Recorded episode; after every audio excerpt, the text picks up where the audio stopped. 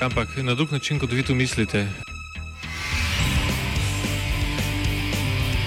Kultivator vedno užge. Da pač nekdo sploh omenja probleme, ki so, in da pravzaprav sploh nekdo sproži dogajanje uh, v družbi. To drži, drži.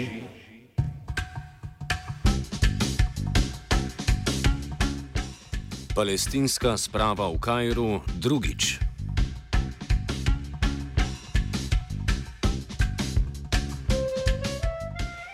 V današnjem kultivatorju bomo kopali in vohljali po Gazi ter Zahodnem bregu. Rivalski palestinski politični opciji Hamas in Fatah sta na mirovnih pogajanjih v Kajru ta teden dosegli spravni dogovor. To ni prvi takšen dogovor, niti ne prinaša ključnih vsebinskih razlik z drugimi sporazumi, saj je v svojem bistvu ponovitev mirovnega dogovora, ki sta ga stranki dosegli že leta 2011, prav tako v Kajru. Najnovejši poskus sprave je obetaven izključno iz razloga, da je Hamas zaradi različnih pritiskov prišel v tako podrejen položaj, da je prisiljen pristati na mnoge kompromise. Da je Hamas pripravljen na spravo s Fatahom, je nakazal že z odločitvijo v sredini septembra, da razpusti administrativni odbor, torej neodvisno lokalno vlado v Gazi. V današnjem kultivatorju bomo poskusili orisati pritiske, pod katerimi se je znašel Hamas, razložiti ključne razlike med njim in Fatahom, skozi njih pa tudi razloge za razkol, ki se je med opcijama zgodil leta 2007.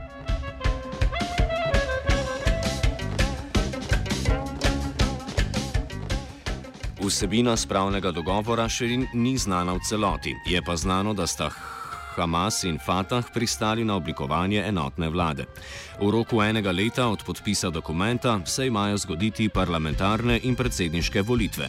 Razlaga Primoš Trbenc z Univerze na Primorskem. Dogovor predvideva vzpostavitev vlade narodne enotnosti, ki naj bi jo sestavljala Fatah oziroma palestinska oblast in pa Hamas, pri čemer naj bi imel seveda Fatah oziroma palestinska oblast uh, pomembnejšo vodilno vlogo, kajti vlado naj bi prevzel Ramzi Hamdaneh, torej Fatahov premije.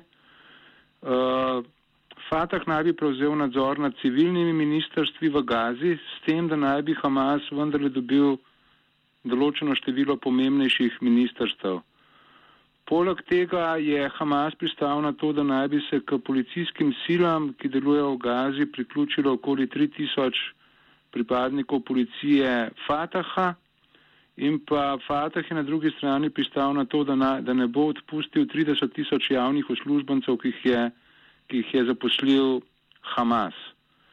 Uh, tisto, kar, je, kar ostaja odprto oziroma kar bi lahko bila pomembna ovira implementaciji sporazuma je to, da naj bi Hamas verjetno lahko obdržal nadzor nad 25 tisoč glavo vojaško, paravojaško silo, ki jo ima in uh, to bi morda, kot sem podaril, lahko bil kamen spotike v, v dejanski implementaciji tega sporazuma.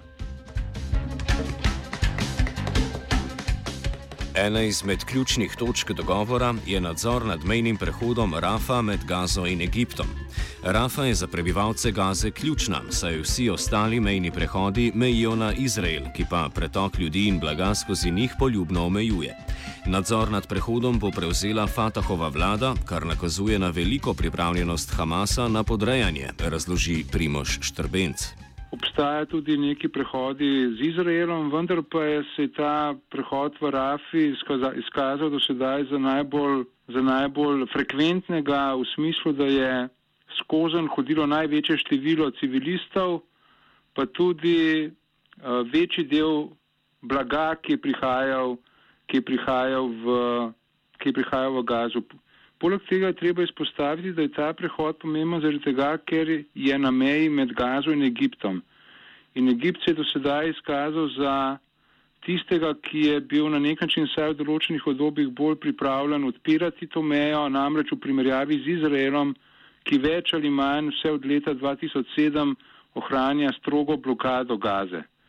Tako da zaradi te frekventnosti prehajanja in pa dejstva, da je Egipt neka pomembna sila, ki lahko vpliva na življenje v Gazi, je, ta, je torej dogajanje okoli prehoda Rafa pomembno s tem, da če res prišlo, če bo res prišlo do implementacije tega, da da Fatahove sile prevzamejo ta prehod, potem to pomeni zelo pomembno koncesijo Hamasa Fatahu in je dokaz podrejenosti oziroma slabše pogajalske pozicije, ki ima Hamas, kajti uh, nadzor vojaški nad tako pomembnim prehodom daje vsakršni oziroma katerikoli politični sili nek pomemben vzvod delovanja.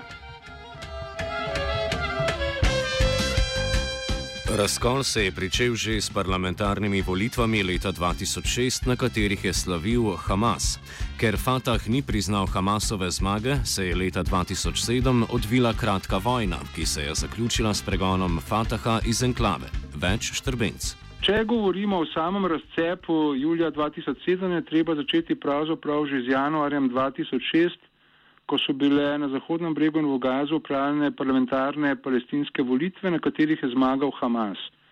To, da je zmagal, ni bilo nikakršno na ključje, namreč Fatah je svojim dotedanjim ravnanjem, predvsem v okviru tako imenovanega mirovnega sporozuma iz Osla, pokazal, da, je, da so voditelji Fataha v zameno za svoje parcialne interese pripravljeni zakockati najbolj vitalne nacionalne interese palestincev. Skratka, Hamas je na volitvah januarja 2006 zmagal in teda je postalo jasno, da Fatah ne bo sprejel zmage Hamasa.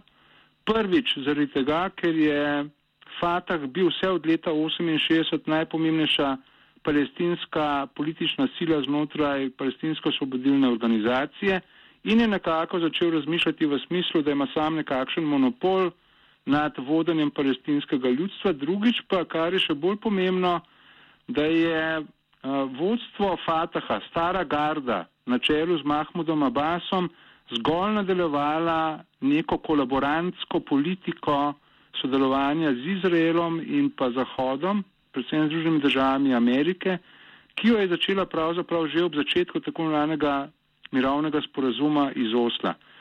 Ker je Fatah v sodelovanju z Izraelom pa ZDA popolnoma blokiral možnost vladanja Hamasa po Hamasovi zmagi parlamentarni in ker je verjetno Fatah tudi pripravljal državni udar oziroma neko spodkopanje Hamasa, je na koncu počilo ja, julija 2007 in a, po tem boju sta si obe sili razdelili oblast. Hamas je začel nadzorovati Gazo, Fatah pa je ohranil oblast v pomembnejšem delu palestinskega okupiranega ozemlja, to je Zahodni breg.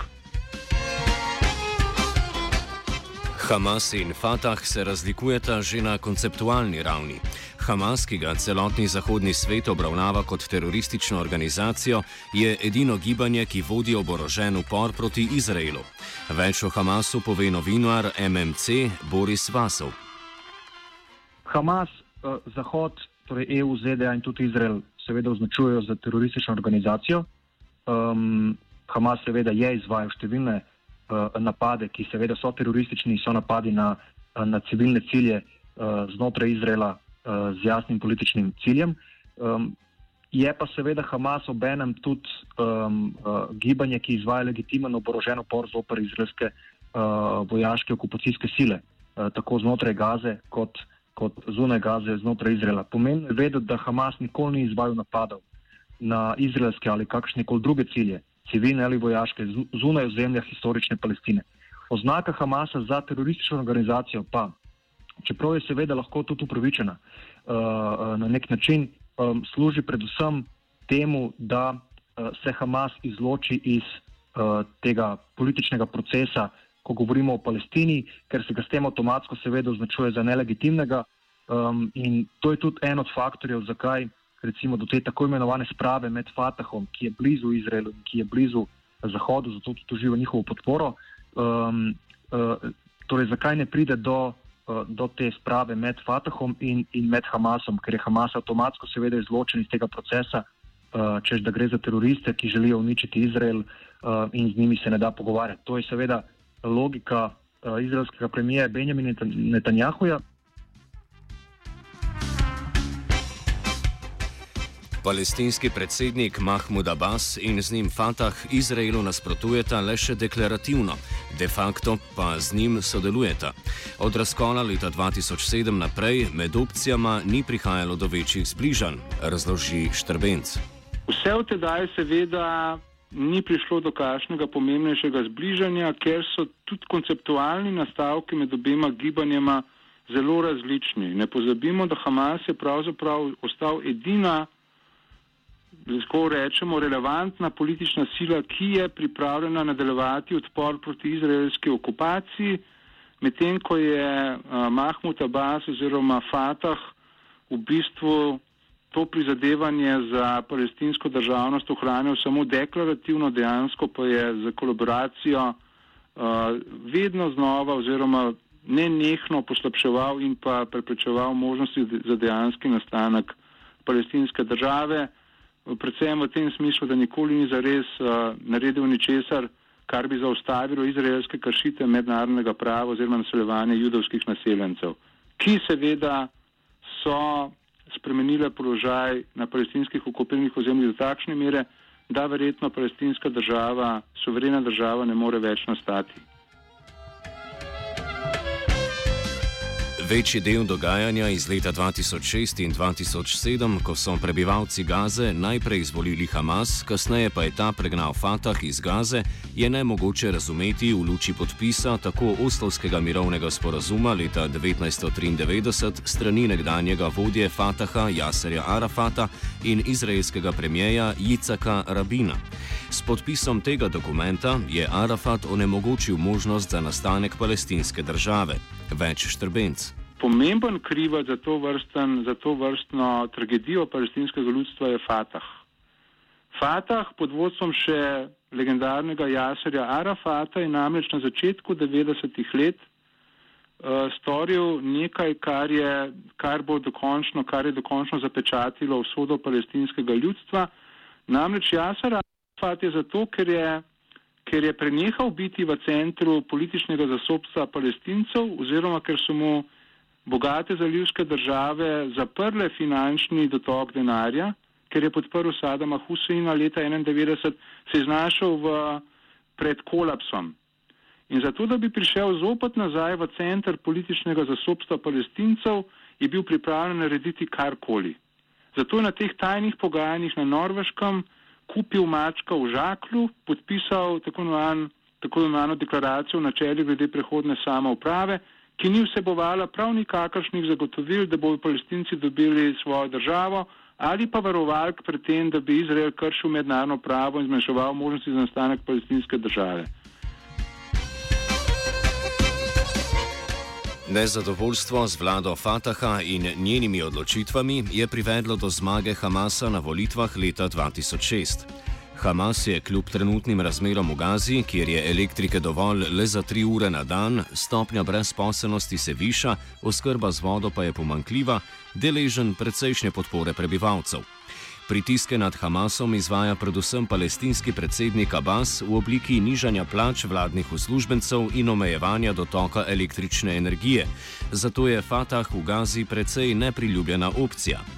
Odnos palestincev do političnih opcij opredeli Vasov. Hamas ima, vsaj imel je, precej časa um, močno podporo um, v Gazi, uh, kljub uh, popolnemu bistvu uničenju infrastrukture v Gazi zaradi izraelskih napadov in izraelsko-egiptovske blokade. Um, ampak Hamas je bil uh, viden kot v bistvu še edini, uh, poleg v manjši meri islamskega džihada, edini predstavnik oziroma edina skupina palestinska, ki izvaja oborožen upor zoper Izrael. Uh, za razliko seveda od Mahmuda Abasa in Fataha, ki uh, po mnenju številnih kritičnih opazovalcev v bistvu predstavlja neko kolaboracijo z Izraelom, predstavlja zgolj v bistvu nek uh, palestinski obraz za izraelsko nadziranje življenja, v tem, v, v tem primeru na Zahodnem bregu. Tako da Hamas ima tradicionalno in pred njim seveda muslimanska bratovščina pomembno vlogo v tem socialnem uh, smislu, uh, izvaja so številne socialne uh, in humanitarne projekte, medtem ko je na drugi strani Fatah in palestinska osvobodilna organizacija bila dojeta kot neka elitistična in tudi močno skorumpirana organizacija, kar je seveda tudi privedlo do te za, za mnoge presenetljive in prepričljive zmage Hamasa pred 11 leti. Statistično je podpora Fatahu, sploh v Gazi, precej padla, še posebej v zadnjem času. Izrael je Gazo večkrat napadal specifično iz razloga, da prebivalci niso želeli odreči podpore Hamasu in jih je zato želel kaznovati. V zadnjem času je Hamas večkrat pokazal, da se postopoma deradikalizira. To je storil s priznanjem premirja z Izraelom, saj ga je s tem prepoznal kot državo. Prav tako je Hamas iz svoje ustanovne listine umaknil del, ki ga definira kot vejo muslimanske bratovščine, torej organizacije, ki je v Egiptu prepovedana. Štrbenci spostavi, da radikalizirana podoba Hamasa najbolj ugaja Izraelu. Hamas že dolgo, dolgo ni več tista sila, ki ne bi priznaval oziroma sprejemal realnosti in pa ki ne bi na nek način že dolgo začel torej sprejemati obstoja Izraela. Ne pozabimo, Hamas je že v času, v času druge intifade večkrat razglasil unilateralno torej premirje, s tem posredno priznal Izrael, hkrati pa je Hamas tudi jasno dal veriti, da je pripravljen na dolgotrajno premirje z Izraelom in potem odločanje palestincev na referendumu o tem, ali so pripravljeni se odreči tistemu delu nekdanje britanske mandatne Palestine, ki jo nadzira Izrael. Uh, torej, to, da je Hamas spremenil svojo, oziroma amandmiral svojo ustanovno listino v smislu, da je zatrdil, da naj bi palestinska država nastala zgolj na območju Zahodnega brega in Gaze, s tem pa je posredno uh, torej, priznal Izrael, to je samo uh, konec tega procesa deradikalizacije Hamasa.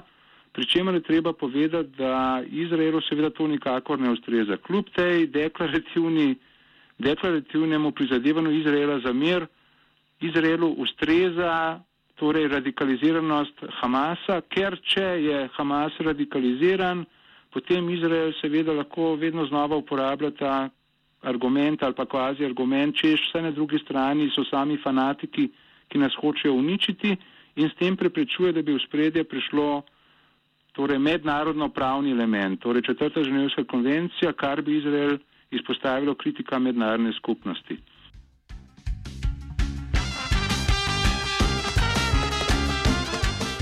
Ker Hamas še vedno uživa relativno visoko podporo prebivalstva, je tako nemogoče trditi, da se je za pot k spravi s Fatahom odločil zaradi notranjih pritiskov.